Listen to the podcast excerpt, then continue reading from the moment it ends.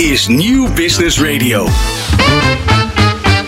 Marketeers vertellen hun beste verhalen hier in Marketing Report. Het programma over media, data, marketing, communicatie en technologie. Elke derde dinsdag van de maand van half zeven tot acht.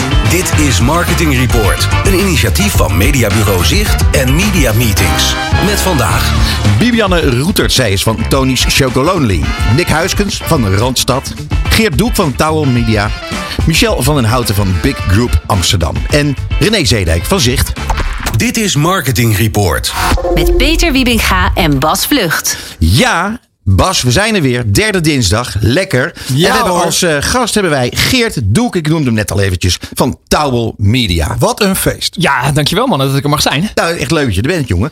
Zeg, eh, onze luisteraars, ik- ik- heel veel mensen kennen jou natuurlijk, maar ook heel veel mensen misschien niet. Dus is het niet een goed idee als jij misschien even kort jezelf voorstelt? Ja, zeker. Ik ben eh, Geert Doek en ik ben managing director van Towel. En wat doen wij? Wij zijn helemaal gespecialiseerd in het maken van branded videocontent. En wat houdt dat nou in? Eigenlijk heel veel dingen die wij maken. 90% daarvan die komt op social. Eh, dus wat maken wij? Wij maken dingen voor heel veel mooie merken. Eigenlijk werken we alleen maar voor merken. Eh, en dan moet je denken aan Interpolis, Mentos, Kia. Eh, en daarvoor maken we soms of alleen een campagne of het hele jaar door content. Nou, het is niet niks. Grote klanten. Ja, absoluut. Hoe lang doe je dit al? We doen dit bijna tien jaar. We hebben een heel team van eh 85 makers. en die zitten in Amsterdam en in Antwerpen. Ehm, en een heel groot deel, we doen eigenlijk drie disciplines. We bedenken het, we maken het. En soms doen we ook nog de distributie. Hey, en eh, waar we het van tevoren eventjes over hadden, eh, is dat eh, het, feit dat heel veel klanten graag een heleboel mensen aan tafel zetten om dan met elkaar te gaan overleggen van wat gaan we doen, hoe gaat die communicatie eruit zien. En dan zeg jij, dan krijg je eigenlijk middle of the road content. Ja, wij worden heel vaak gebriefd. En ik denk dat heel veel mensen aan bureauzijde dat, dat zullen herkenden. eh, of aan de reclamekant. Ehm, en dan hebben we zo'n briefing en dan presenteren we of het nou een pitch is of dat we rechtstreeks voor een klant werken. En we zien eigenlijk de tendens, en het komt ook een beetje door corona, want het is natuurlijk heel makkelijk om eh, in een call heel veel mensen uit te nodigen, om dan een creatief idee te beoordelen met in één keer 10 of 12 mensen. Eh, en ja, wat krijg je dan? Dan krijg je dus heel veel meningen, want ja, het is ook niet altijd tof om te zeggen, eh, ik ben het eens met mijn collega. Je wil je ook een beetje profileren. Ja, en in die ja, end ja. krijg je dan dus vaak een soort vlees nog vis campagne. Ja. En dat is super zonde. Dus ik wil eigenlijk een beetje pleiten dat marketeers van Nederland hou nou ook een beetje, wees een beetje stoer en toon een beetje ballen. Eh, en blijf ook gewoon, als jij denkt, dit is een goed idee, ga dan niet het halve bedrijf uitnodigen. Want dan wordt je idee, wat misschien in essentie super goed is en heel effectief kan zijn, toch uiteindelijk een stuk minder effectief. Ja, ze hadden dat ook al voor- in die film, hè, Harry met Sally. Kan je dat nog herinneren? Het is misschien een beetje... Is een misschien een beetje voor mijn jouw tijd zelfs. Ja, maar dat is een heel erg leuke film was dat. En daarin eh, had een van de hoofdrolspelers die bedacht... Ja, eh, het ging er op een gegeven moment, had iemand had geen smaak. Zeg, ja, maar iedereen vindt van zichzelf dat hij goede smaak heeft. Dat vindt iedereen. Ja. Zie je ook een beetje het probleem, hè? Terwijl er heel veel mensen hebben er gewoon geen klote verstand van. Vooral niet als het gaat om creatie. Nou, maar het is precies wat je, wat je, wat je zegt. En Nou, daarom je, zeg ik het ook. Je, je, huurt, je, je, je huurt inderdaad ook. En soms moeten we ook tegen een klant zeggen van... Joh, je huurt ons in voor onze expertise en specialisme. Heb dan ook een beetje vertrouwen erin... dat wat wij presenteren ook echt tof gaat worden. Het is alsof ik mezelf hoor praten. Ben je dat ook, Peter? Ja, ik heb het eerlijk gezegd ook. Eh, wat ik nu heel graag wil weten is hoe krijg je die klanten zover dat, eh, dat ze een heleboel mensen thuis laten? Nou, soms tegenwoordig zeggen we dat ook wel een beetje aan de voorkant. En eh het hoeft ook lang niet op de radio. Het, het- het- ja, precies. En nu ook. Dus eh, hopelijk alle klanten die luisteren, die, eh, die nemen er een soort notie van. Ehm, maar soms zeggen we ook gewoon in het proces van... joh, luister, we zijn eerst begonnen met dit idee... en we eindigen nu na een aantal sessies met dit idee. Mhm. Is dit zeker wat je wil? Of is dit gekomen doordat het een mengelmoes is geworden van allerlei ideeën? Mhm. Eh, en dan soms zegt een klant ook heel eerlijk van... Ah, jullie hebben eigenlijk wel gelijk. Misschien moeten we eventjes terug. Eh, en om heel eerlijk te zijn, zeggen ze dan ook vaak zelf. Ik ben het misschien ook niet helemaal eens met de richting waar we naartoe zijn gegaan. En dan ja, zie je soms wel eens dat er eh, een moment komt waarin we toch weer een beetje wat stapjes terug doen naar het initiële idee. Wat grappig joh. hey, maar eh, ga je dan eh, eigenlijk een beetje op de stoel van de marketeer zitten? Nou, dat in essentie niet. Alleen de reden waarom je natuurlijk specialisten en bureaus aanhaalt, eh, is omdat ze een bepaalde expertise hebben. Dus als je denkt als marketeer, ja, eh, ik heb een idee en ik kan dat helemaal zelf doen, ja, dan heb je in principe die bureaus ook niet nodig. Dan kan je beter alleen een maakpartij doen. Dat kan ook bij ons. Dan zeg je gewoon, ik heb dit bedacht, kun je het voor me maken. Ja. Eh, alleen als je aan een architect vaak vraagt, teken een huis, ja, dan moet je niet uiteindelijk tegen die architect precies zeggen hoe je huis getekend wil hebben, want je vraagt ook een bepaalde stijl. Ja, dat is waar. Dus Eh, dat is eigenlijk natuurlijk. eh, het is heel goed, en, en, en dat wil ik wel zeggen. Als marketeers een eigen visie hebben.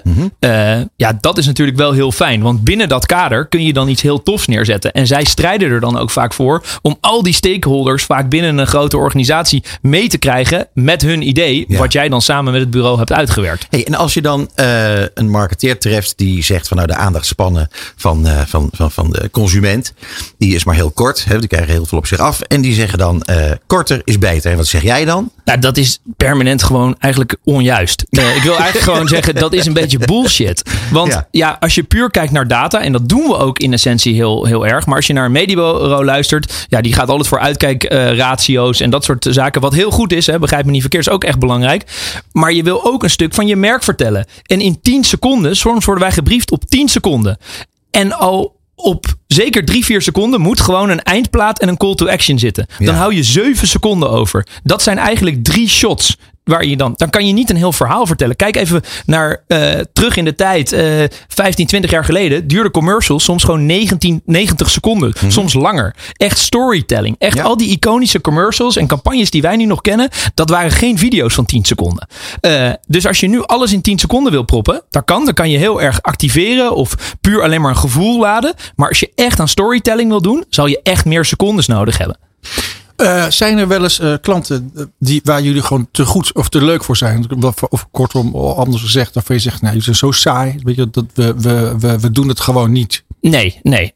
Eigenlijk. Echt niet? Oh, nee, nee echt niet. Nee, want ik vind juist het toffe. Ook, wij doen ook wel eens bijvoorbeeld alleen maar campagnes voor intern. Employer branding. Toevallig zat ik vandaag met een van de allergrootste verpakkingsproducerende bedrijven ter wereld.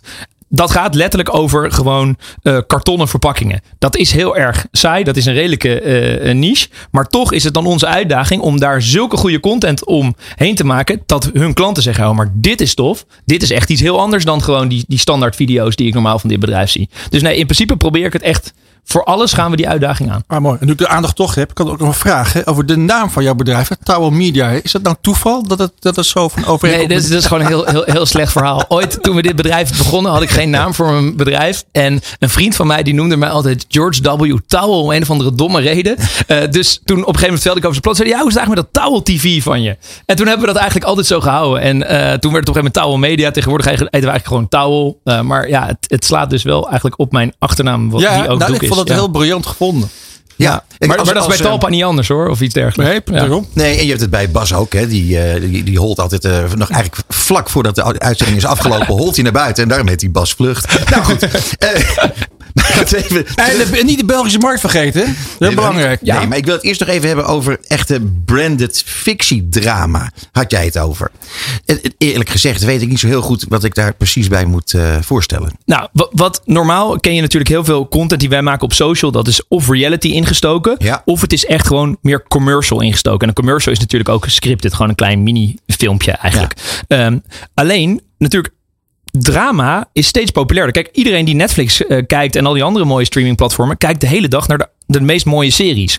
Maar als merken, die laten dat stukje eigenlijk helemaal liggen. Terwijl als je aan storytelling wil doen... ja, dan is dat eigenlijk het ultieme eh, eh, moment om dat te doen. En bijvoorbeeld, wij hebben onlangs een mooi voorbeeld eh, gedaan, maar ik kan er niet zo heel veel in de Nederlandse markt opnoemen. Dat was met Tele 2 en daar hebben we een branded fictieserie voor gemaakt, een comedy-serie.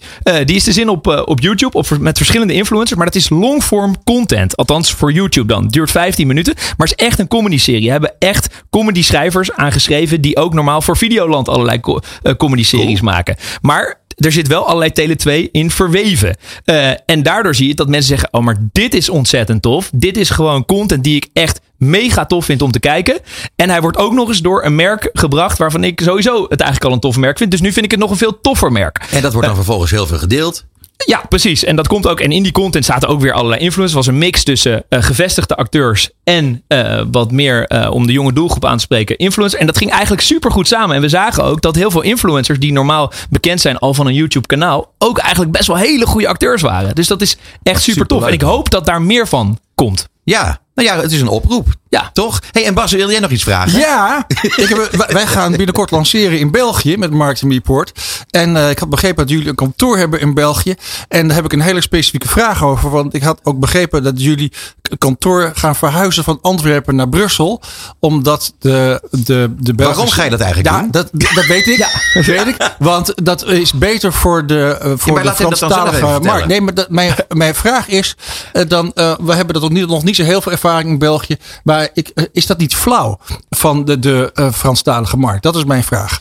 Nou ja, of het flauw is of niet, maar het is gewoon beter voor de business. Zo simpel is het. Ja. En daarom doen we het. En hetzelfde voor, eh, jij wil natuurlijk zoveel mogelijk views op jullie eh, hele mooie platform hebben. Ja. Ja, dan kan je maar beter in de taal schrijven eh, waar je mensen het meest dat aanspreekt en je het meeste traffic naar binnen binnenhaalt. Dus simpelweg de reden is gewoon omdat we serieuzer genomen worden door onze Waalse klanten. Ja, hoe, hoe kinderachtig het misschien ook klinkt, als we in Brussel zitten. Nee, dat snap ik heel goed. Maar die, het valt mij altijd op dat die Vlamingen zo ontzettend goed Frans praten. Bijvoorbeeld beter Frans dan de Walen Hollands praten. Ja, maar dat is ook zo. Want uh, onze uh, Waalse klanten die spreken altijd Frans of Engels. Ze vinden het fijn als we Frans met ze praten. Ons hele team wat in België zit is tweetalig. Spreekt zowel Nederlands als Frans. Uh, maar toch is die plek waar we zitten... Dat is dan toch doorslaggevend. Ja, tof.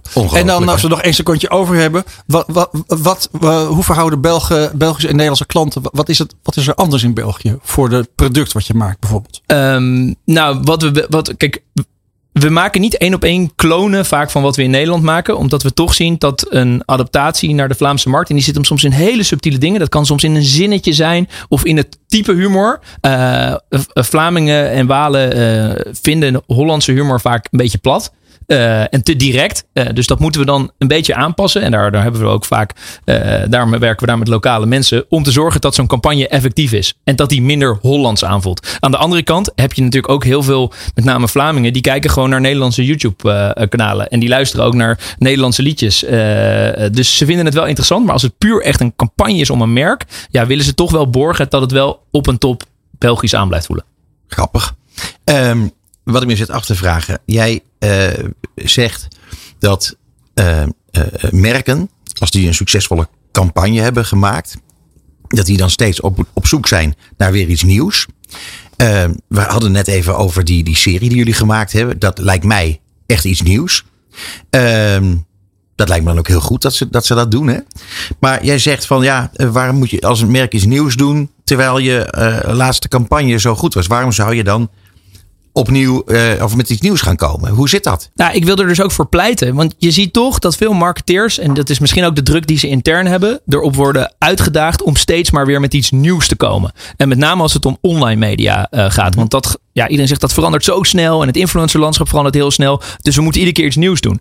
Alleen de kracht zit hem juist als je, je wil, net als dat je uh, als bedrijf aan storytelling doet, dat doe je ook niet met één verhaal, maar voor één jaar. En vervolgens ga je een ander verhaal vertellen. Nee, dat zit hem over de langere termijn. En als je dus van contentstrategie en bijvoorbeeld ook van de influencers die je aan, je bindt, heel snel wisselt. Ja, dan is dat dus heel vergankelijk. Uh, dus ja, ik zou ervoor pleiten. En het is helemaal geen. Uh, die, die serie waar ik het net over had voor, uh, voor Tele2 hebben we samen met, uh, met, met Mediacom gedaan. Alleen Tele2 is een klant. En nogmaals, ik vind het waanzinnig wat ze doen. Hè? maar we hebben daar al een aantal award-winning series voor op YouTube ontwikkeld. Maar toch willen ze ieder jaar iets nieuws. Ja. en, dat, en daar zeggen ze ook: ja, nee, wij doen iedere keer willen we voorop lopen en iets nieuws doen. Terwijl je dus eigenlijk ook voor, voorop kan lopen door iets voor te zetten. Ja, want dan bouw je aan iets. Als je bijvoorbeeld kijkt naar Mentos, daar gaan we inmiddels al het achtste seizoen in wat we maken met Stuk TV, Roadtrippers. Ja. En dat is een van de allerbest bekeken YouTube-series in Nederland. En zij zien gewoon, als je dus voor langere tijd aan een, uh, een platform bindt of aan een bepaalde influencer, dan betaalt zich dat terug. Want op dit moment, als je aan de gemiddelde uh, uh, jongeren vraagt, kijk je Stuk TV en kijk je Roadtrippers, en je vraagt wie de sponsor of wie, wie het merk daarachter is, zal iedereen ongeholpen ligt op 91% roep Mentos. En dat is niet omdat ze het één seizoen doen, maar omdat ze gewoon de durf hebben om dat jaar na jaar na jaar te doen. En het blijft effectief. Nou, het is een, een, fantastisch verhaal. Ik vind eigenlijk het zo'n mooi verhaal dat dit misschien wel het moment is om uh, te zeggen van dankjewel voor je komst in de studio. Ja, nogmaals dankjewel man. Hè? Ik vond het, het tof. Uh, het was uh, fijn je hier als gast te hebben en je hebt een, een, een, lekker verhaal verteld. Heel graag tot een andere keer en nou ja, een prettige avond. Ja, zie je snel. Dit is Marketing Report op Nieuw Business Radio. En onze volgende gast, Nick Huiskes. Hij is directeur marketing, communicatie en intelligence bij Randstad Groep Nederland en bij Randstad Nederland. Zeg ik dat goed? Ja, dat klopt helemaal. Welkom in de uitzending. Dankjewel. Fijn dat je er bent.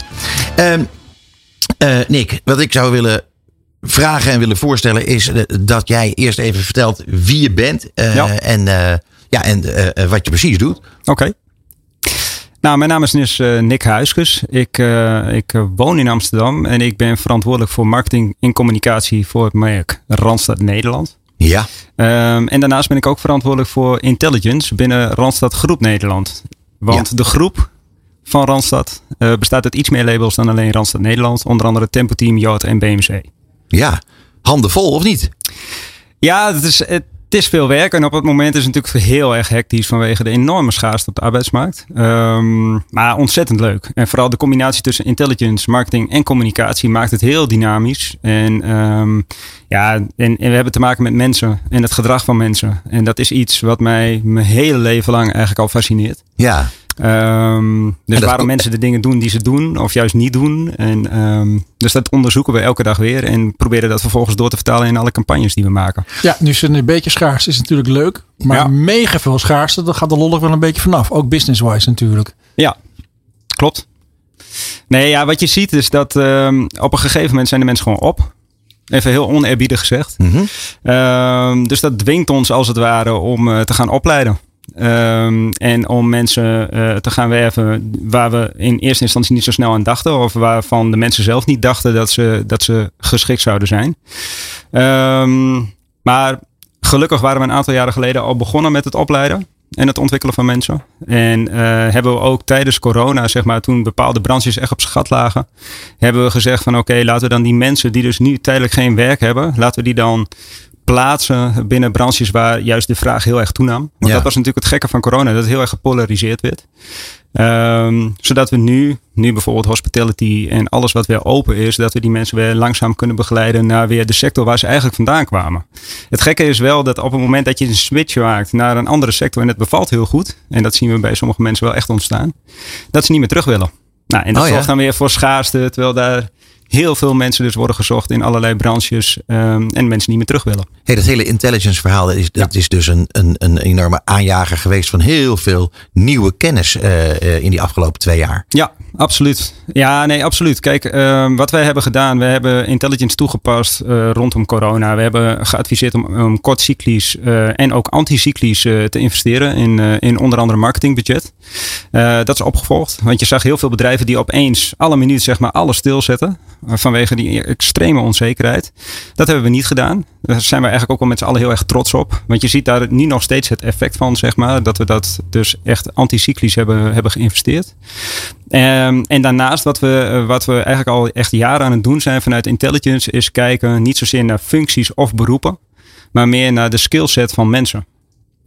Eh, want je voert een functie uit, maar je bent ook een individu, je bent een mens en je kunt bepaalde dingen, of je, die kun je leren.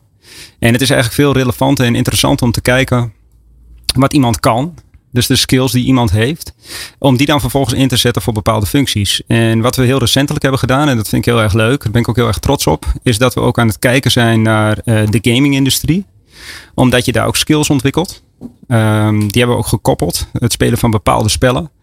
Ehm, en die skills die je dus ontwikkelt, die je dus eh, eh, leert terwijl je spelletjes speelt, die zou je ook binnen werkgerelateerde beroepen zeg maar kunnen toepassen. Kun je daar een voorbeeld van geven? Nou ja, wat je bijvoorbeeld ziet is dat eh oog-handcoördinatie bijvoorbeeld in de chirurgie is Ja. heel erg belangrijk. Dus op het moment dat je joh. bepaalde spellen speelt en dat, en dat echt ontwikkelt, zeg maar misschien al wel op hele jonge leeftijd, dan heb je gedurende je werkende leven heb je er echt een, nou ja, een voordeel. Maar net zoals bijvoorbeeld ehm, nou ja, beslissingsprocessen, eh, communicatie, eh, handelen in urgente situaties, ehm, bijvoorbeeld bij het spelen van FIFA of eh, World of Warcraft of Fortnite, dat leer je dan, dat ontwikkel je zonder dat je dat eigenlijk door hebt, maar dat kun je ook in je werkende leven gebruiken. Ja, onze kinderen worden chirurg, Peter. Dat had gedacht.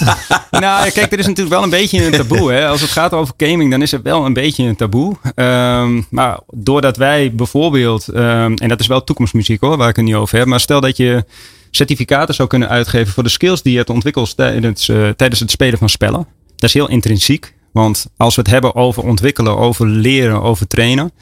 Niet elke doelgroep uh, zit daarop te wachten. We hebben negatieve associaties. Ja. Uh, klassikaal, zeg maar, leren vinden heel veel mensen vinden dat vervelend. Dus als je dat op een andere manier zou kunnen doen en toepassen, dat het heel intrinsiek is en je leert er iets van en je kan daar vervolgens iets mee doen in je werkende leven, dan is het natuurlijk heel erg interessant. Ja, Ongelooflijk, joh. Ik had een vraag over de intelligence. Jullie hebben anticyclisch geïnvesteerd tijdens de coronacrisis. Ja. En op een gegeven moment was die afgelopen en ging Nederland weer open. Gebeurde er toen precies wat jullie verwacht hadden? Of waar jullie al op hadden ingezet? Nou, we hadden uh, tijdens corona hadden we bepaalde scenario's uitgewerkt in samenwerking met onder andere het Economisch Planbureau uh, en ook het ROA. Dat is een onderwijsinstituut, zeg maar, uh, die zich bezighoudt met voorspellingen op de arbeidsmarkt. Um, en dus toen eigenlijk alles weer open ging, toen hadden we een aantal scenario's die dus wel in lijn waren met die voorspelling die we hadden gedaan. Mm -hmm. Nou, en daar hebben we wel naar gehandeld. Desalniettemin is het natuurlijk nog steeds wel zo dat, nou ja, bijvoorbeeld situaties zoals uh, wat de afgelopen weken heeft plaatsgevonden uh, op Schiphol. Met extreme schaarste van personeel en daardoor dus allerlei problemen. Ja, dat, dat, dat kan bijna niemand oplossen. Nee, het is ongelooflijk. Je zou dus denken dat voor jullie dat uh, uh, allemaal appeltje eitje is, maar dat is dus niet het geval. Nee, nee, nee, dat is, nee, nee wij werken daar ook heel hard voor. Um, want je zou zeggen van, ja oké, okay, weet je, uh, corona, dus nou, bepaalde branches, dat is zo aangetrokken. Dus uh, de klanten lagen bij ons voor de deur, zeg maar. Um, dat is natuurlijk niet waar. We hebben daar ontzettend hard voor gewerkt. Um, dat als je erover nadenkt, um, dat we bijvoorbeeld in één week tijd 400, 500 mensen moesten leveren. Ja. Ja, dat is niet, dat, dat is ook voor ons en ook de omvang van ons bedrijf is dat wel, ja, is dat wel hard werken. Ja, en een dat enorme uitdaging. echt, echt ook wel echt iets om enorm trots op te zijn dat we dat hebben gerealiseerd. Ja. ja. Nou ja, eh, nu we het daar toch over hebben. eh, eh, jullie zijn een mensgericht bedrijf, eigenlijk in alle opzichten zou je kunnen zeggen. Hè, dat Ja. geldt zowel intern als eh, voor de mensen die jullie aan werk helpen, et cetera. Jij hebt mij verteld dat jij filosofie hebt gestudeerd. Ja. Eh, In hoeverre eh, hebben, eh, heeft die filosofiestudie te maken met datgene wat je nu doet en mooi vindt aan het vak wat je uitoefent? En bijvoorbeeld dat hele intelligence verhaal, dat komt daar volgens mij heel zwaar in terug. Of zie ik Ja. het verkeerd? Nou, dat is, dat is een goede vraag. Ehm, kijk, ik, ik weet niet precies wat kip en wat ei is, zeg maar. Ehm, ik heb inderdaad, ik ben ooit filosofie gaan studeren omdat ik onwijs werd getriggerd door wetenschapsfilosofie toen ik een andere studie deed. Eh, er gingen heel veel deuren voor mij open, terwijl heel veel studenten toen de tijd zeiden van, oh, dat wil ik allemaal helemaal niet weten. En ik vind het juist heerlijk dat de dingen zo zijn zoals ze zijn, terwijl je overal zeg maar vraagtekens bij zet. Dat fascineerde mij heel erg en toen ben ik filosofie gaan studeren. En ik denk wel dat nu nog steeds, zeg maar, dat dat, dat mij heeft geleerd om, nou ja, altijd te denken en altijd te beseffen dat er ook altijd andere mogelijkheden zijn. Ehm, en als ik nu kijk naar het intelligence vraagstuk en dan vooral als ik het heb over gedrag van mensen en vooral zeg maar waarom mensen bepaalde dingen niet doen, ehm, dan denk ik wel dat filosofie me daarbij heeft geholpen. Ja. Ja. Eh, geldt dat ook voor, voor de mensen die, eh, voor, jou, voor jouw werkgever, zeg maar. Hebben die dat eh, vooraf ook eh, herkend of erkend?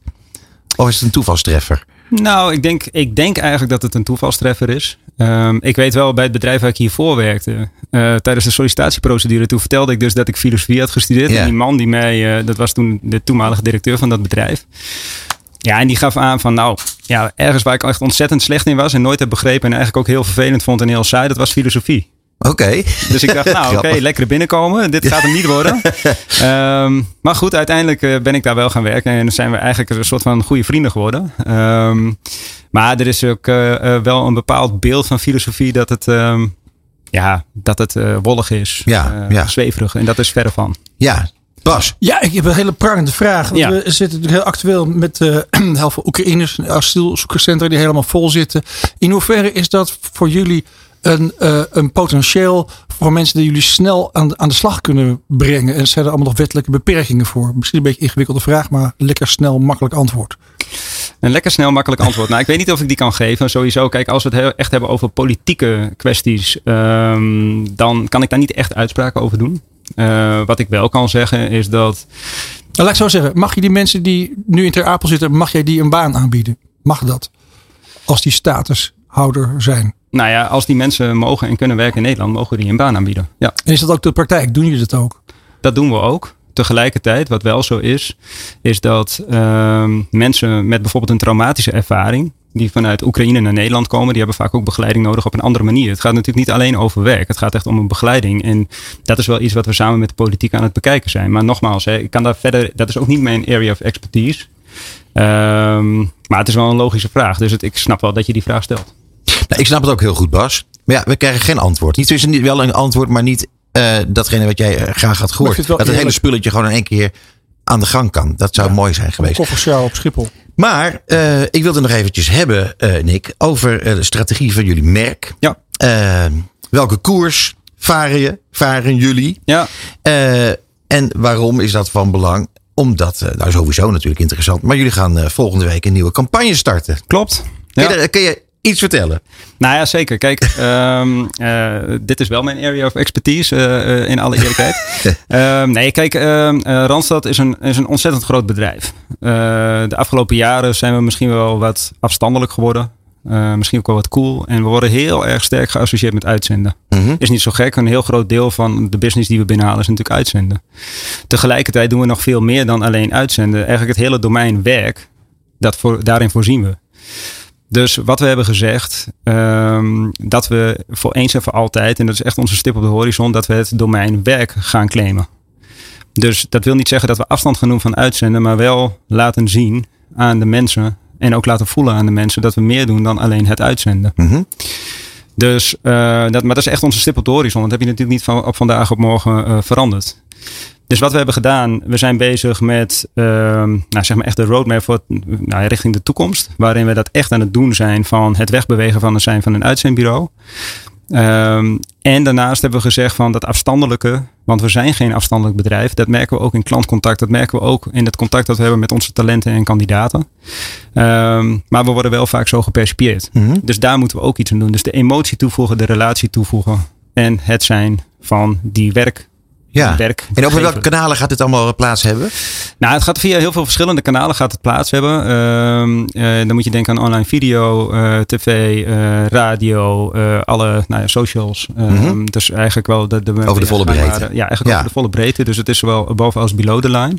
en wat we hebben gezegd is in aanloop, zeg maar, na dus die, die transitie die we dus doorgaan claimen we verschillende thema's, actuele thema's, uh, waar we campagne over gaan draaien. Om als het ware te laten zien dat wij dus meer doen alleen dan dat uitzenden. En dat we daadwerkelijk ook gewoon echt een mensenbedrijf zijn. Ja. En, um, Mensgericht, daar begonnen we eigenlijk over. Precies. Ja, ja. het is prachtig. Ja. Uh, Nick, uh, ten slotte, ja.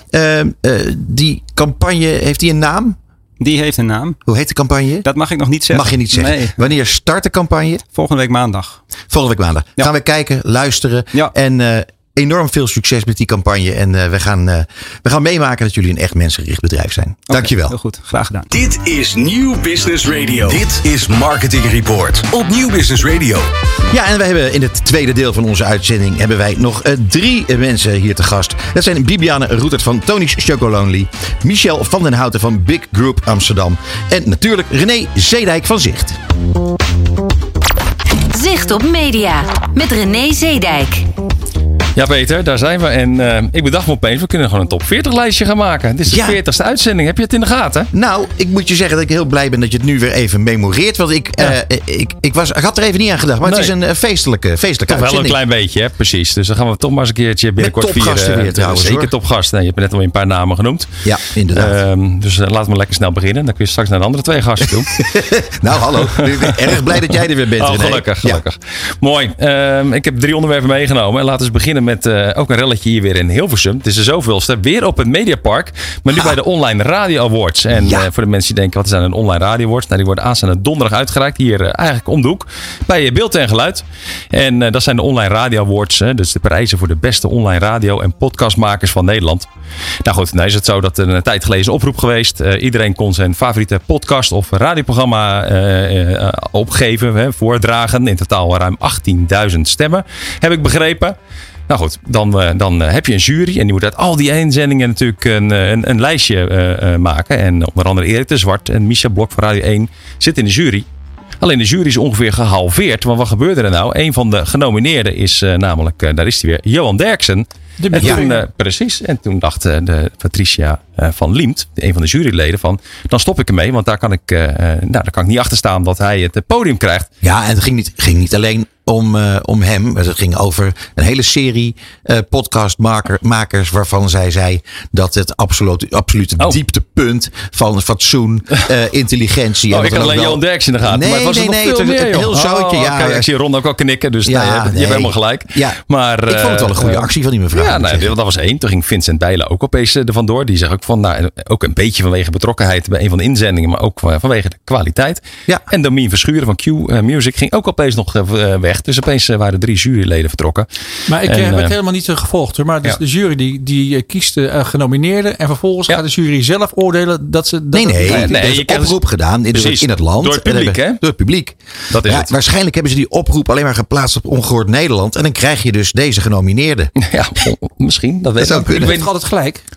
Maar ik wil, wil, Nou goed, het is wil wel ik- een publieksprijs in principe. Dus, eh, Maar ik zou heel graag wel iets willen zeggen hierover. Heel kort. Maar ik vind dat de Online Radio Awards, die bestaan nog niet zo heel erg lang. Nee. Maar die zijn dus nu, hebben, gewoon, hebben ze gewoon bewezen dat ze eh, bestaansrecht hebben. Zeker. Want namelijk, wat heb je nodig? Een rel. Eh, en dat hoort erbij. En die hebben ze nu, nu direct al. Na, Ja. na twee, drie jaar, wat is het? Nou, ik vind het fenomenaal. Ja, toch? Gefeliciteerd. En ik heb begrepen, meer dan 400 mensen hebben zich aangemeld om eh, nou, naar de eh, awardshow uitreiking te komen. Dus, eh, nou, Ja, zien we jou goed komen. Nee, ik, ik ben ergens anders bij de MWG en de AMA-uitreiking in Ah, goed dat we het een beetje verdelen, René. Ja, dus jullie lopen hier rond en dan ben ik daar een Ja, keertje. Nou goed. goed, we horen het wel van elkaar hoe het was. Toch? Ja, zo is het. Ja.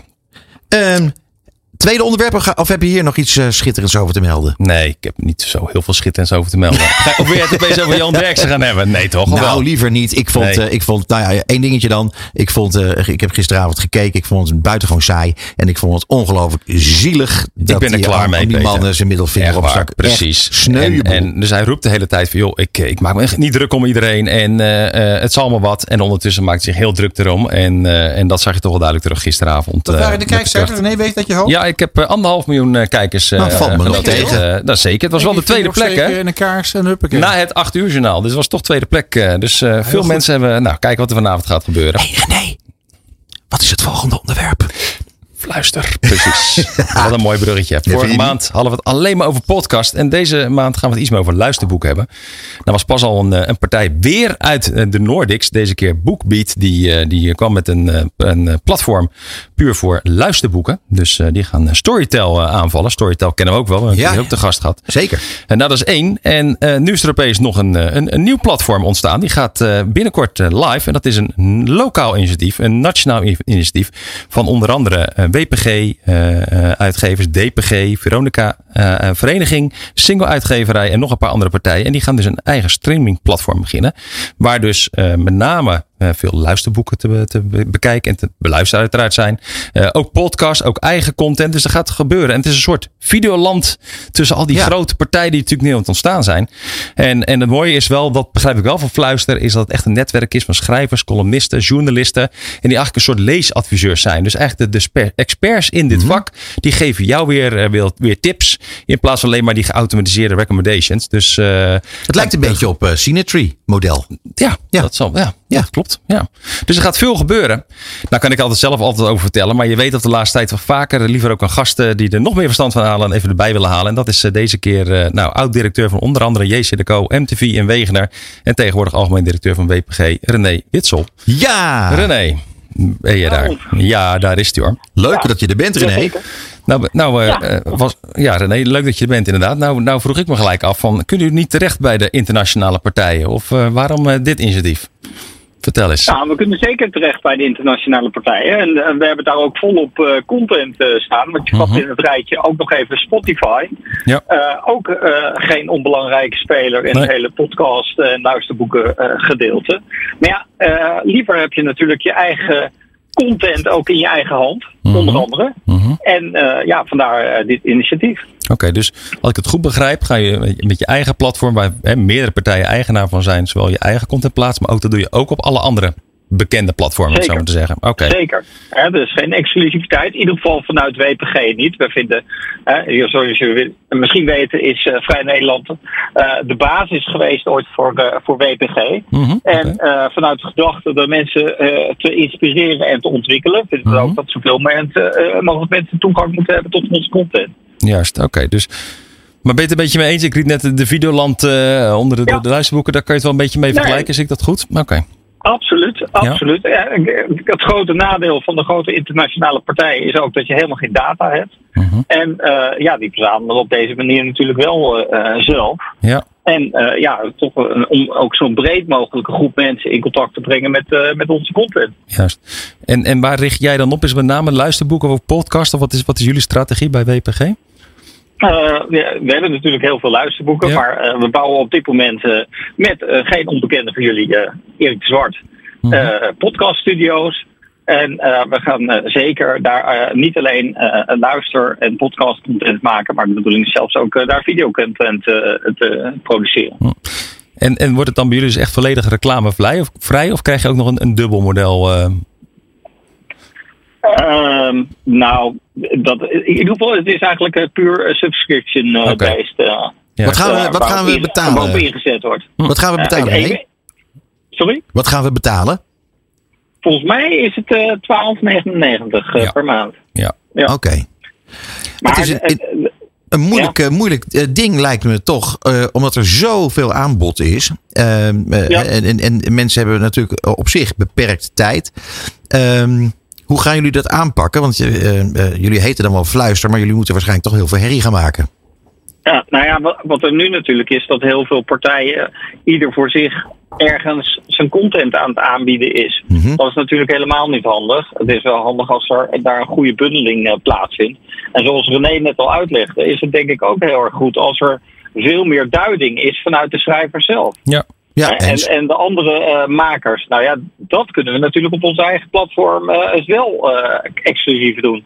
ja. Juist. En zijn die schrijvers en, en nou, met name ook journalisten en recensenten, zijn die nou echt jullie betrokken? Of, of hoe werkt dat? Hoe moet ik dat zien?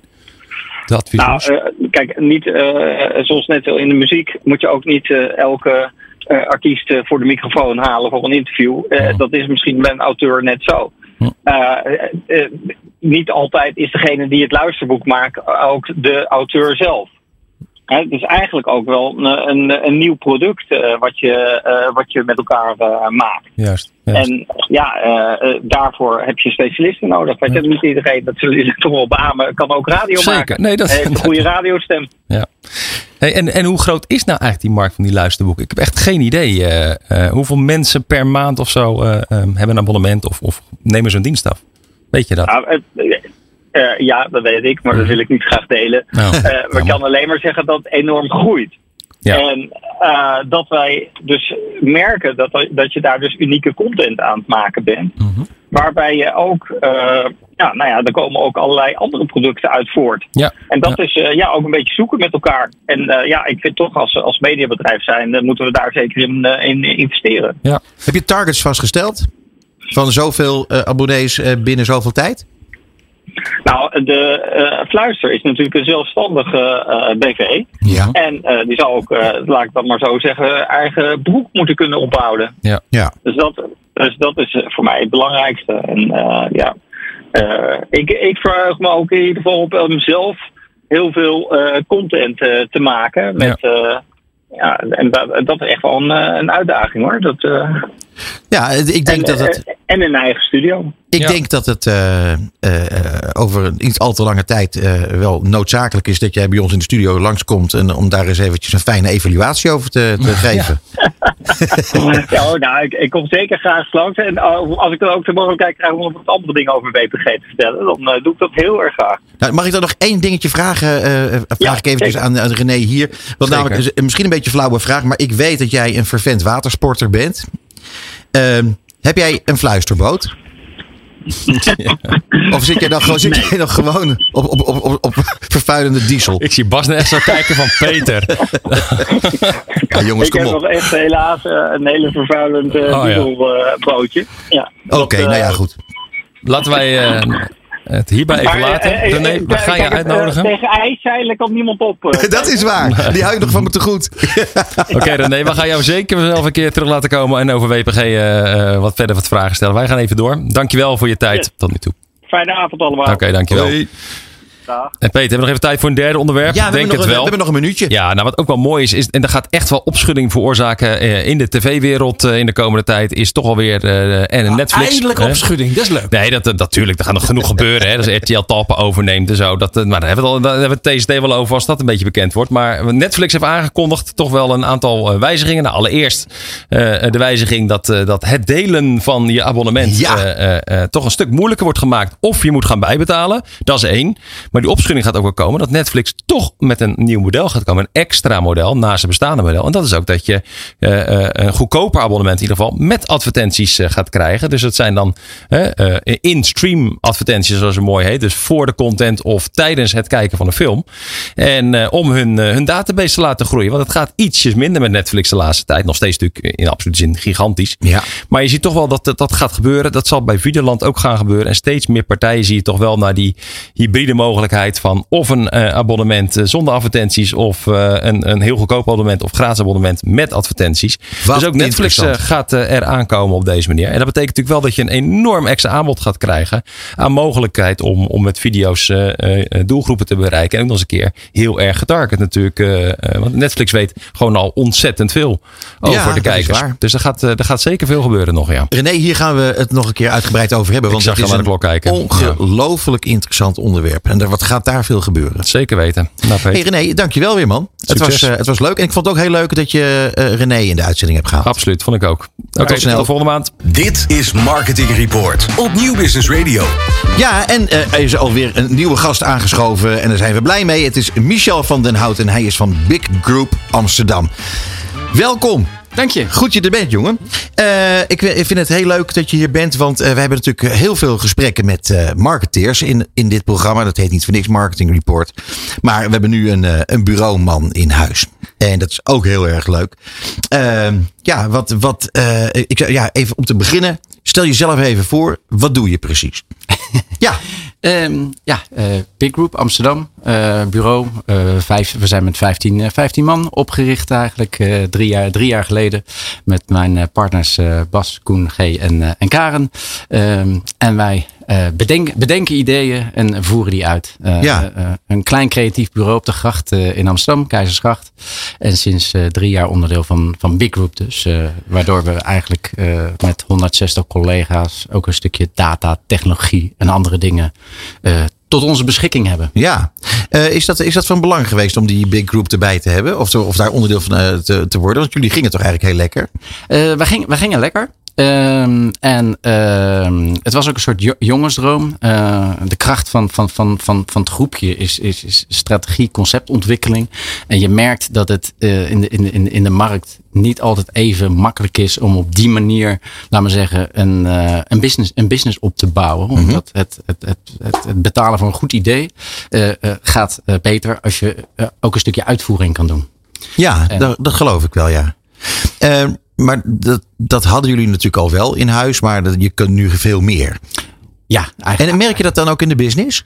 Eh, ja, omdat, omdat we eigenlijk de, ja, de, de start. eh, eh, het is niet voor niks dat we inderdaad verdrie, verdrievoudigd zijn. In niet de makkelijkste periode de afgelopen twee jaar.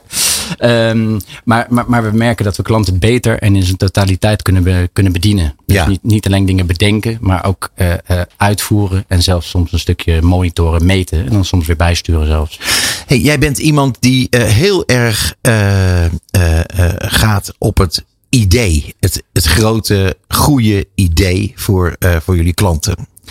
Ehm, daar, daar, daar heb je een uitgesproken mening over. Je gaf ook aan, eh, het, het ontwikkelen van een goed idee kost evenveel tijd als het ontwikkelen van een slecht idee. Wat bedoel je daar precies mee?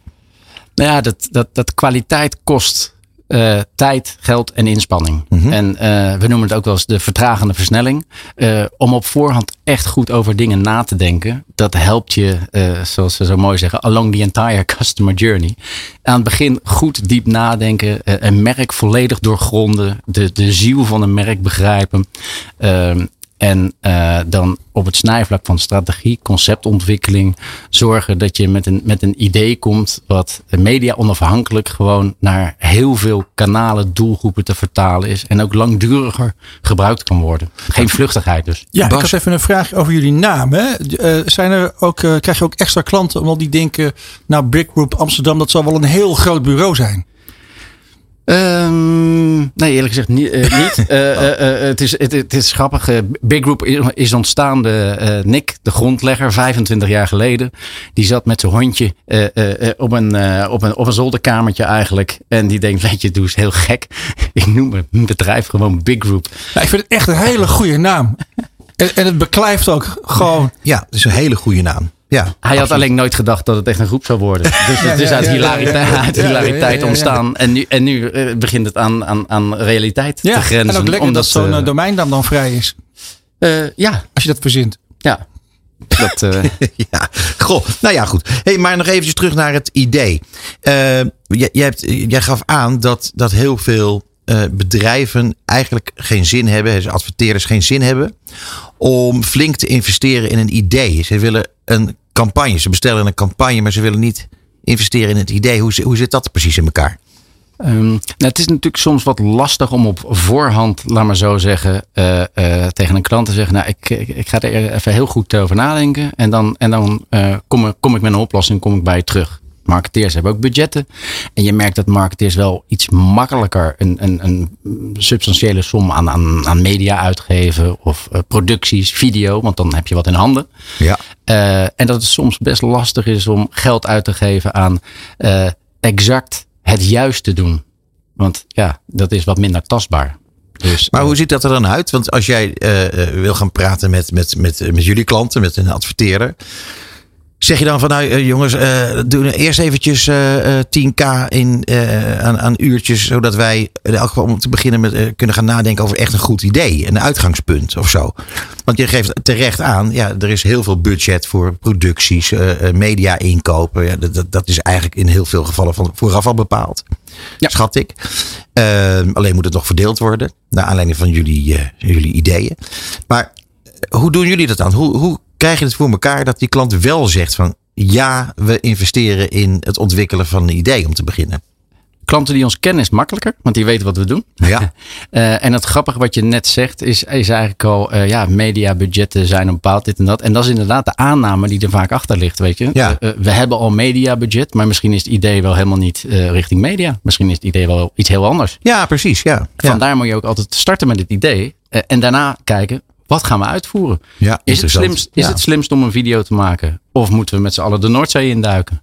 Eh, weet je, dat, dat, dat is onderdeel van, van de ideevorming. Ja. Zonder dat je de rest van het budget eigenlijk al verdeeld hebt over de standaard kanalen. Ja, ik vind het, ik vind het een heel goed uit, een interessant uitgangspunt, moet ik zeggen. Eh, vooral. Ja, ik begon er al even mee. Een goed idee kost net zoveel tijd als een slecht idee. Eh, en het is natuurlijk heel vervelend als je enorm veel tijd hebt gestoken in een slecht idee. Niet waar? Eh, zie je dat nou veel? Dat er veel tijd wordt gestoken in slechte ideeën?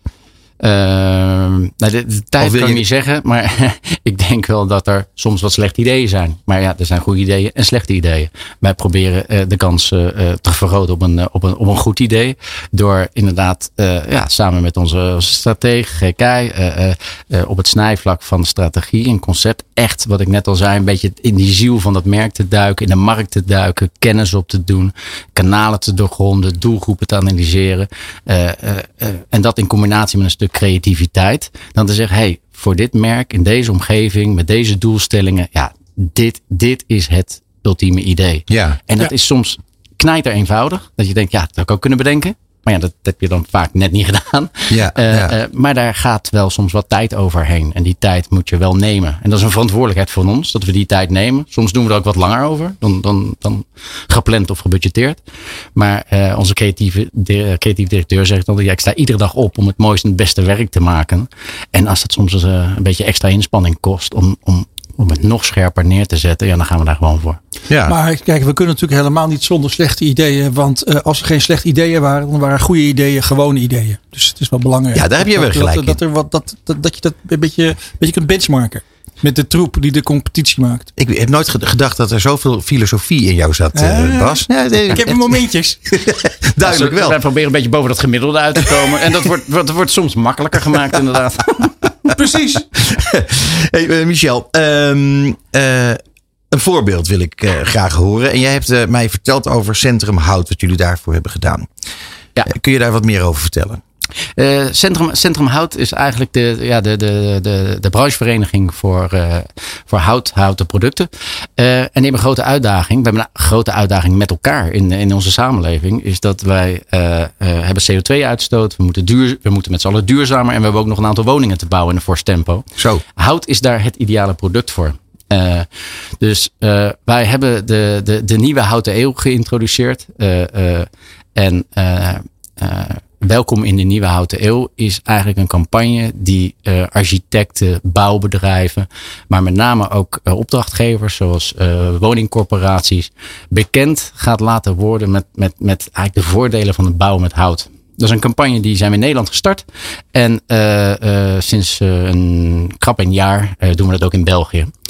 Um, en wat we daar zien is dat vanuit eigenlijk een, een ideevorming we uh, een campagne ontwikkeld hebben uh, die we op verschillende kanalen richting verschillende doelgroepen uh, uitgerold hebben. Ja. En het mooie is dat het idee zo passend klopt bij wat we doen, dat, dat we eigenlijk al twee jaar lang met dezelfde campagnegedachten al die verschillende doelgroepen kunnen bedienen. En dat, ik denk, de essentie van een goed idee is dat het soms ook wel wat geen vluchtigheid heeft, maar langer, langer mee kan. Mm -hmm. En, ja. um, en dat is eigenlijk ook waar we, waar we het net over hadden. Van ja, jullie zijn een clubje met. Uh, begonnen met een clubje met een goed, met een goed idee, bij wijze van spreken.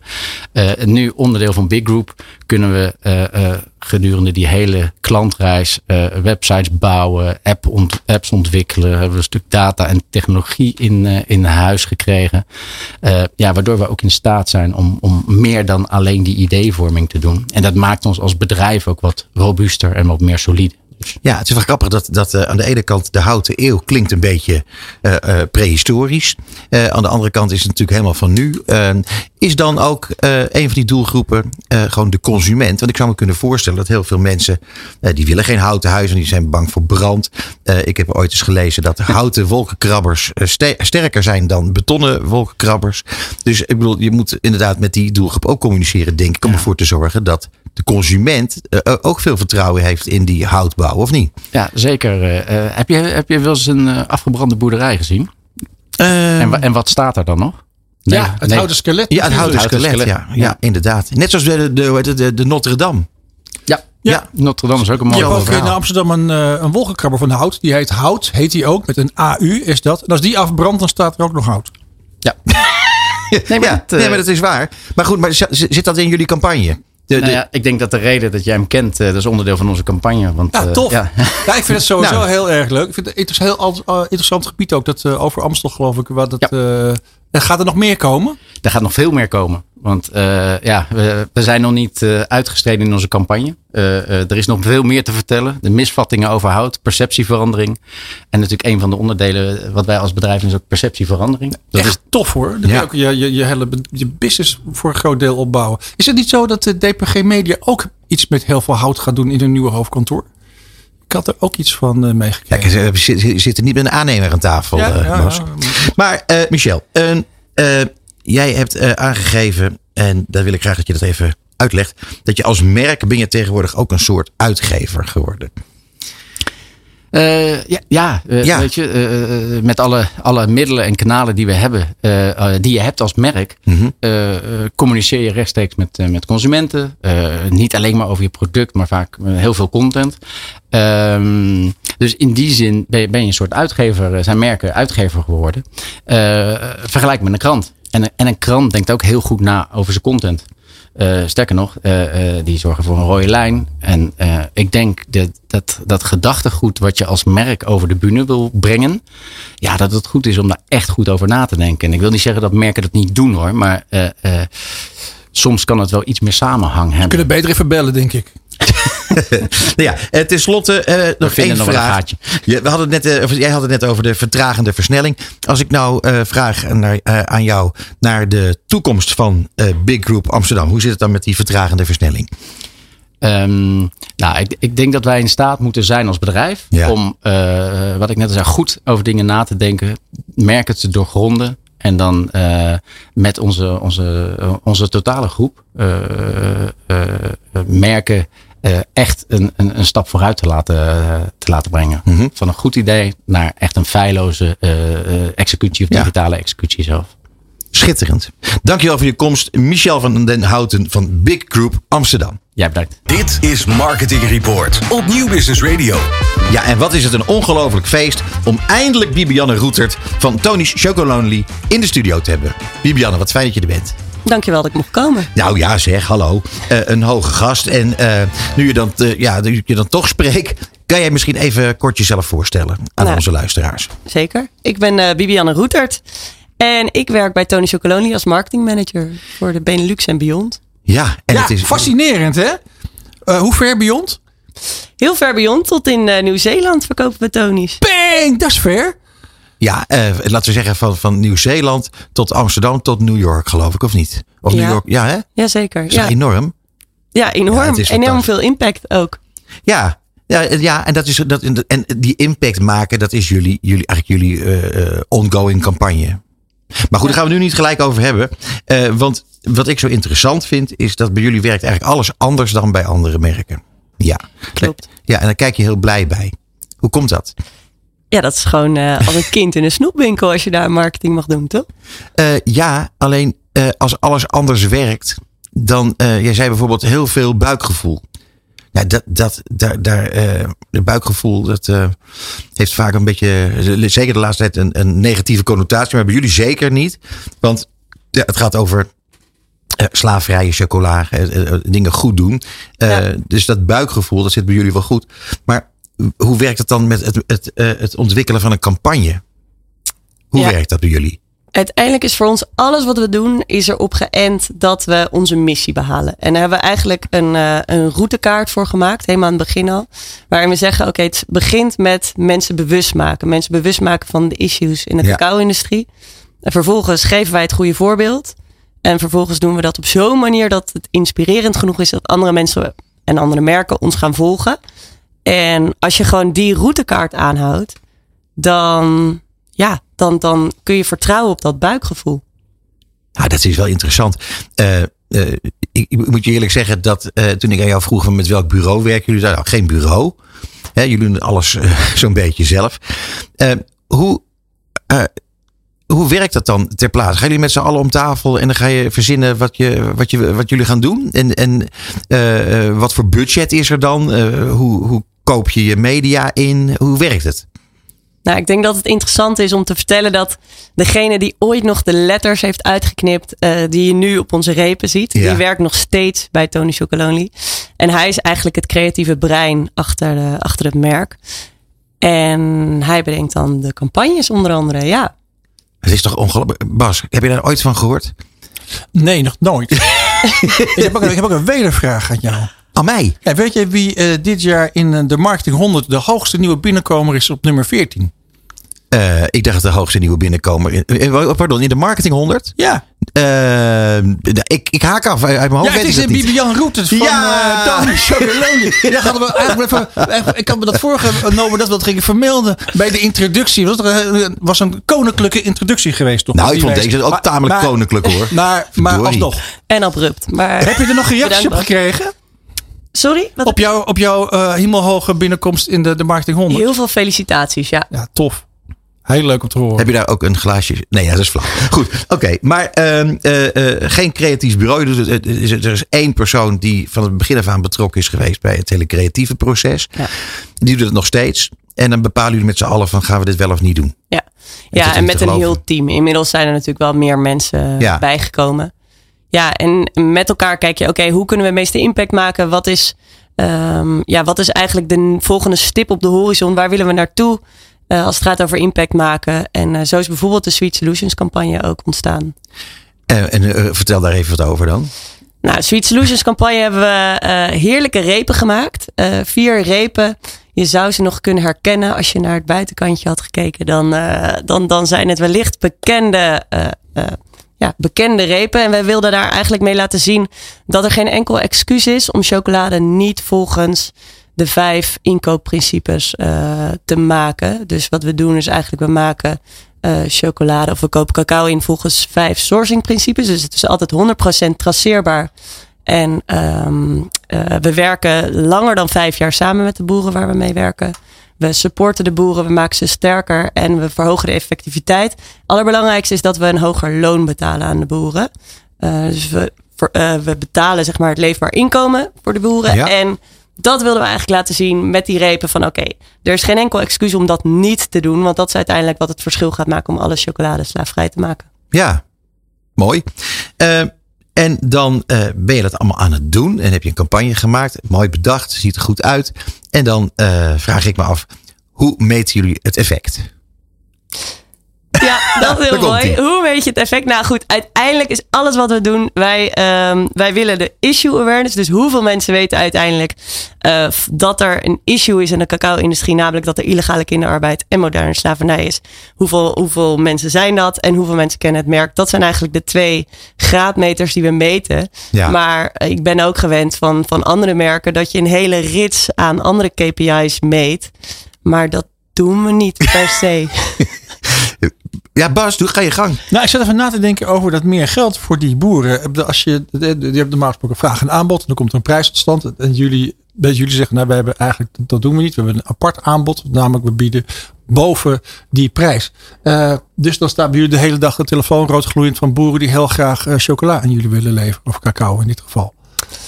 Mm, nou, de, sowieso, de boeren zitten in West-Afrika. Dus 60% van alle cacao komt uit Ivoorkust en Ghana. Ja, en die boeren zijn verenigd. Ja, het is eigenlijk heel ver weg. Uh, die boeren zijn verenigd in coöperaties. En wij werken met die coöperaties samen. Dus inmiddels met zeven coöperaties. Dus voor de lange termijn. En eigenlijk gaan we in eerste instantie met nieuwe coöperaties. Gaan we, uh, draaien we een jaar proef. En daarna worden ze echt een, een coöperatie onder uh, bij Tony Chocolonely. Ja. ja, makkelijk. Ja. Kijk, en dit is zo, uh, Bas, dat had ik wel een beetje verwacht hoor. Dat als ik dan vraag over effectmetingen, dan is, de, is het antwoord dat doen we eigenlijk niet. Maar wat jullie wel doen, ja, daar komt hij. Mag ik raden? Jullie, nou, oh. Prijzen winnen? Nou, daar wil ik het niet over hebben. Waar ik het over wil hebben, is uh, dat jullie een eigen chocolate bar hebben. Ja. In de beurs van Berlage in Ja, Amsterdam. Nou, ben je er wel eens geweest, Bas? Uh, ja. Echt? In de beurs van Berlage? Nee, in de chocolate bar van nee. Tony Chocolonely. Nee. Dat is de vraag natuurlijk. Kom op, man. Sorry. hey, Bibiana, vertel even over de chocolate bar. Dat vind ik echt zo stoer.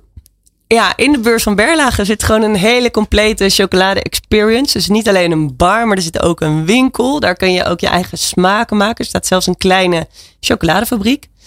En we hebben ook nog een lab waar je workshops kan volgen. En dan kan je helemaal je eigen chocolade maken met je eigen ingrediënten. En dan ja, leer je de fijne kneepjes van het chocolademaakvak. Het is toch schitterend? Ja, hey, en, en, loopt het goed? Het loopt als een trein. Ja, het loopt echt als een uh, chocoladefondue kraan die daar ook echt staat. Daar ja. komt echt chocoladefondue uit. En uh, uh, puur melk, maakt niet uit. En heerlijke shakes, te gekke taarten. Het is echt fantastisch wat ze daar maken. Dus ik zou zeker gaan kijken. Beurs van Berlage op de Rokin. Ja. Ja. Maar het is, het is een, de Damrak, toch? Ja, Rokin, volgens mij. Oh. Ja, ik zie daar iemand schudden. Ja, ik dacht echt dat het een damrak was. Maar goed, maakt niet uit. Uh, uh, maar... Schudden, is helemaal niet druk in, dat weet je best. maar goed, uh, hoe zijn jullie op dat idee gekomen? Want ik vind dat, een, ik vind dat wel een, een, iets heel moois. Dat je daar, eh, je kan proeven, je kunt... eh, de experience is natuurlijk datgene wat jullie uit willen stralen. Ehm, en dan komen daar dus toeristen en er komen uh, ja, Amsterdammers en, en, en, en de rest van het land. Ja. Hoeveel ja. mensen komen er eigenlijk trouwens? Heel veel. Heel veel. Ja, in, in COVID waren er net ietsje minder. Dus we zijn eigenlijk nu pas weer helemaal up to speed. Maar het zit eigenlijk altijd vol. Dus we gaan, ochtends, we gaan ochtends om, volgens mij om tien uur open. Tot zeven. En um, iedereen die komt lekker koffietje drinken met een, een lekker gebakje erbij. Een lekker chocoladetaartje. Is het merk intussen zo populair dat mensen dan ook t-shirts daarvan willen hebben en zo? Zeker, die verkopen Echt? we ook in de winkel, ja. Ik iets voor, hey, iets voor jou, Bas? Hè? Ja, Ron heeft het adres opgezocht. Het is allebei niet waar. Nee, Wat? dus jullie zaten mis. Ik Beursplein dan misschien? Oude Brugsteeg 15. Oh, daar is de ingang. Ja, maar, da, maar dat is wel aan de kant van de Damrak. maar goed, jongens, laten we het daar nog niet over hebben. Hoewel het wel interessant is voor de luisteraar dat als ze dan toch daar naartoe willen, dat ze wel op een goede plek uh, terechtkomen. Um, ja, dan uh, uh, schapposities. Die, die, jullie liggen altijd op een schitterend, schitterende positie.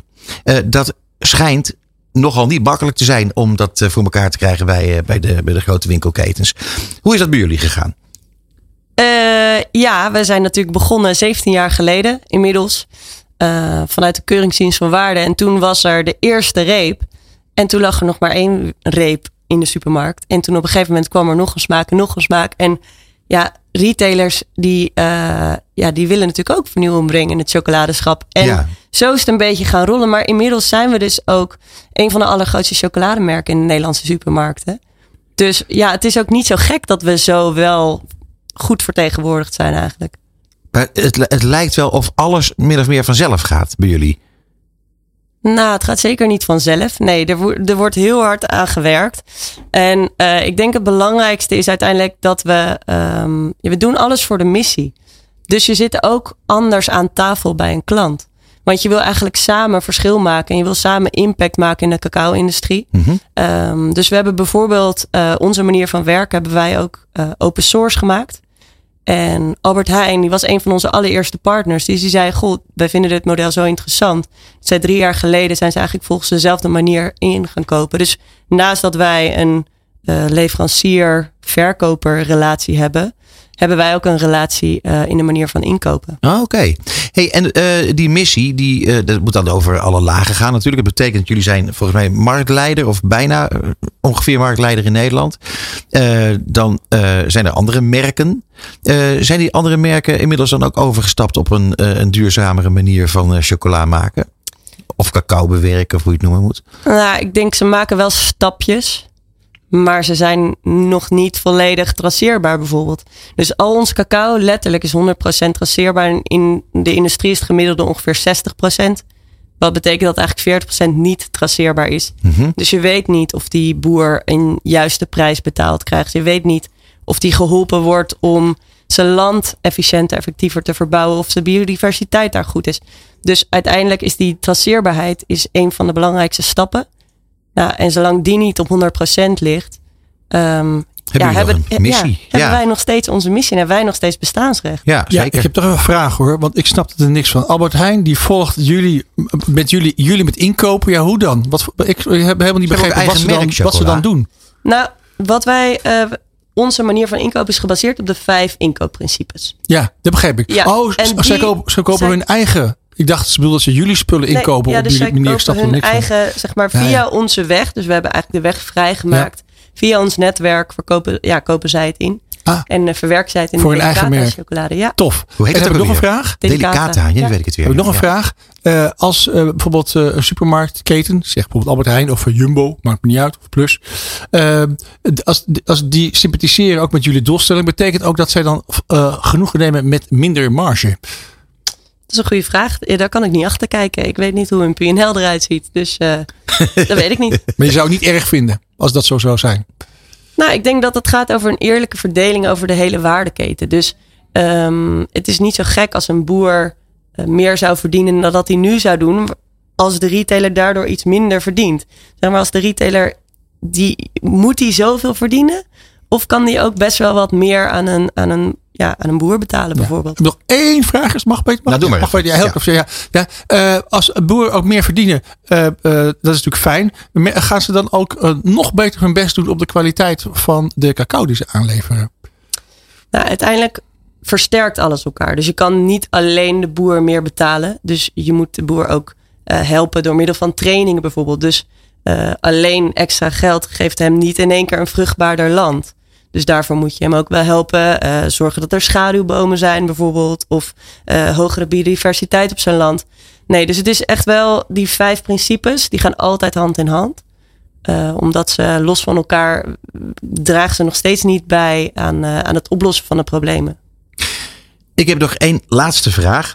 Ehm, en dat gaat over het volgende. Jij hebt aangegeven dat je als marketeer heel veel impact kunt maken. Dus eh, hoe ga je zorgen dat je goed doet, eh, werkt aan datgene wat waarde heeft. Eh, en toen zei jij, in potentie kan iedere marketeer hiermee aan de slag. Ja. Ja, en dat vind ik een heel interessant ding. En ik wil heel graag dat je dat even uitlegt. Nou, ik denk interessant hoe Tony Chocolonely is begonnen. Doordat Teun van de Keuken als journalist in de cacaoketen is gedoken. En toen zag dat er zoveel misstanden waren. En eigenlijk zou ik alle marketeers willen oproepen. Wacht niet totdat er een journalist komt die duikt in jouw keten. Duik er zelf in. Ja. En kijk wat er op dit moment beter kan. En begin daarmee. Weet je, alle beetjes helpen. En voel je niet nie- een nietig onderdeel van dat proces die alleen maar reclames maakt. Jij bent uiteindelijk degene die de keuzes maakt over welke producten er naar de retailer gaat, wat daarin zit. En als jij daar andere keuzes kan maken die de wereld een beter plekje zouden maken, waarom zou je dat niet doen? Bibianne, ongelooflijk bedankt voor je komst hier naartoe. Een inspirerend verhaal. Eh, dames en heren, Bibianne Roetert van Tony's Chocolonely.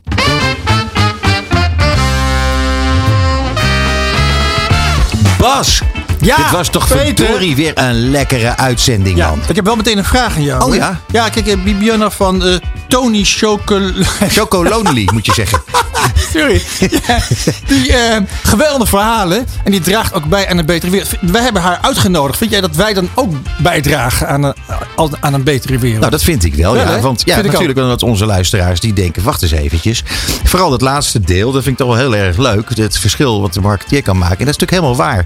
Waarom zou je niet dus heel goed gaan kijken naar, Ja. naar hoe, hoe de keten eruit ziet? Ja. En wat mij verder vandaag opviel, dat waren vooral de, de namen van onze, onze, onze gasten. Ja. Je hebt bijvoorbeeld eh, Diana Woei, die presenteert dan het, eh, het weerbericht. Hè. Alleen het slechte weer doet zij, hè? Ja, ja. Ja. Maar je ziet dus veel, dat veel mensen. En dan Michel van Houten. Ja, of van, van Den, Den Houten Houten. is het, hè? ja, van eh, Big Group Amsterdam. Ja. Die is helemaal gespecialiseerd in hout. En dat Geert Doek werd dan toevallig CEO van een bedrijf wat Touwel heet. Dat is toch is- echt prachtig. Het, het is, eh, het is, je zou bijna denken dat het geen toeval is. Het is geen het- toeval. Hey, maar nu zit jij over die flauwiteiten. Maar eh, eh, er is vandaag echt heel veel gezegd wat ongelooflijk interessant was. Ik vond dat Geert, die, die, die aangaf van dat er gewoon te veel mensen eh, in een bedrijf mogen meebeslissen over welke kant de campagne op moet gaan. Waar moet het over gaan? Dat, dat, je, dat je dan uiteindelijk altijd een middle of the road oplossing krijgt. Dan krijg je nooit een, een, een, een, een campagne die echt eruit springt. Ja. Dat vond ik eigenlijk wel een hele goede constatering. te veel democratie is eigenlijk, eigenlijk ook een klein beetje democratie al niet goed. Je huurt een partij in, die heeft verstand van zaken. En die vertelt gewoon, zo moet het. En dan ga je het zo doen. Nou ja, Le- als het je- levert het beste Het resultaat is natuurlijk ook wel een beetje zo dat wie eh, betaalt ook wel een beetje mee mag bepalen. Ja, dat mij. is, dan, dat is dan juist eh, soms eh, jammer. Hè? Ja, dat is, ja, soms is het heel jammer. Nou goed, eh, en nou ja, wat, wat, wat. Oh ja, wat ik ook heel leuk vond, Bas. Ik vond.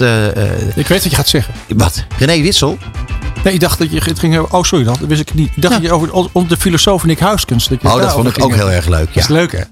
Nou ja, dat is toch ook zo interessant dat iemand vanuit een, een studie die hij ooit heeft gedaan en daar echt heel erg voor gekozen heeft, hij was met iets heel anders bezig, dat hij dan vervolgens zoveel daarvan kan gebruiken in, in zijn eh, commerciële werk. Dat vind ik wel heel bijzonder. Ja, en het, het grappige is dat het, dat het helemaal neerkomt op volgens mij eh, het hart van, van wat marketing is. Je afvragen, ja, wat gaan mensen doen? En wat vinden mensen? Ja, en hoe denken mensen? Ja, Dat, dat, dat, dat, dat maakt het vak gewoon helemaal tot, ja, weet je wel. En dat, dat goed inschatten en daar dan, ja, dat dan in beweging zien te krijgen. Dat is eigenlijk het mooiste wat er is. Ja, nou ja, goed. En dan nog eventjes bij, eh, even terugkomen op eh, het nieuws dat we vandaag allemaal eh, hebben voorgeschoteld gekregen van René Zeedijk. Dat was weer uit de kunst waar hij mee aan kwam zetten. Heel leuk om, om eens te kijken wat er allemaal gebeurt met dat fluister. Want jongens, wat wordt dat een, een volle markt. Hè? Want we, we moeten overal abonnementen op gaan nemen. Eh, ik ben toch wel heel erg benieuwd eh, wat daar gaat gebeuren. Wat gaat er verdwijnen? Wat, eh, want dat kan toch niet allemaal naast elkaar bestaan? Nou ja, eh, helemaal in, in audio, want daar hebben ze nog niet eens een businessmodel uitgevonden. Dus daar begint de shake-out voor de shake-in begonnen is. Ja, nu we toch over shakes hebben, dan kom ik weer bij Tony Chocolonely. Ja. Die kun je ook dus in, de, in, de, in die chocolate bar hebben ze ook shakes. Ik ben er echt wel jaloers omdat jij is steeds maar die naam, die naam zo goed uitspreekt. Ik moet je zeggen, daar ben ik ook heel blij mee. Maar dat komt ook omdat ik gisteravond, daarom ben ik ook zo laat naar bed gegaan. Ik heb de hele avond geoefend.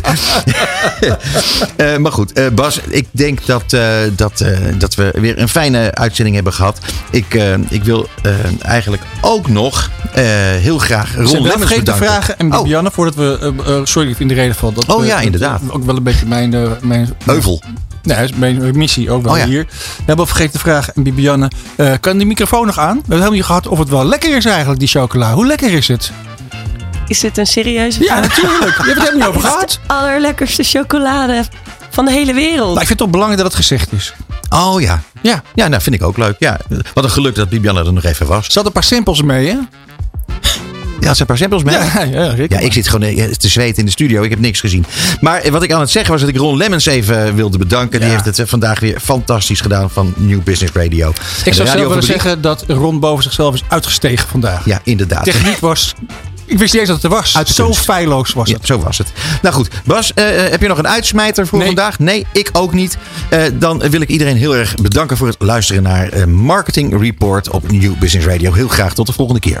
Tot zover Marketing Report op New Business Radio. Alle gesprekken zijn terug te luisteren via podcastkanalen als Spotify, Duke of Apple Podcasts. Komende maand zijn we er weer op de derde dinsdag van de maand tussen half zeven en acht uur. Tot dan.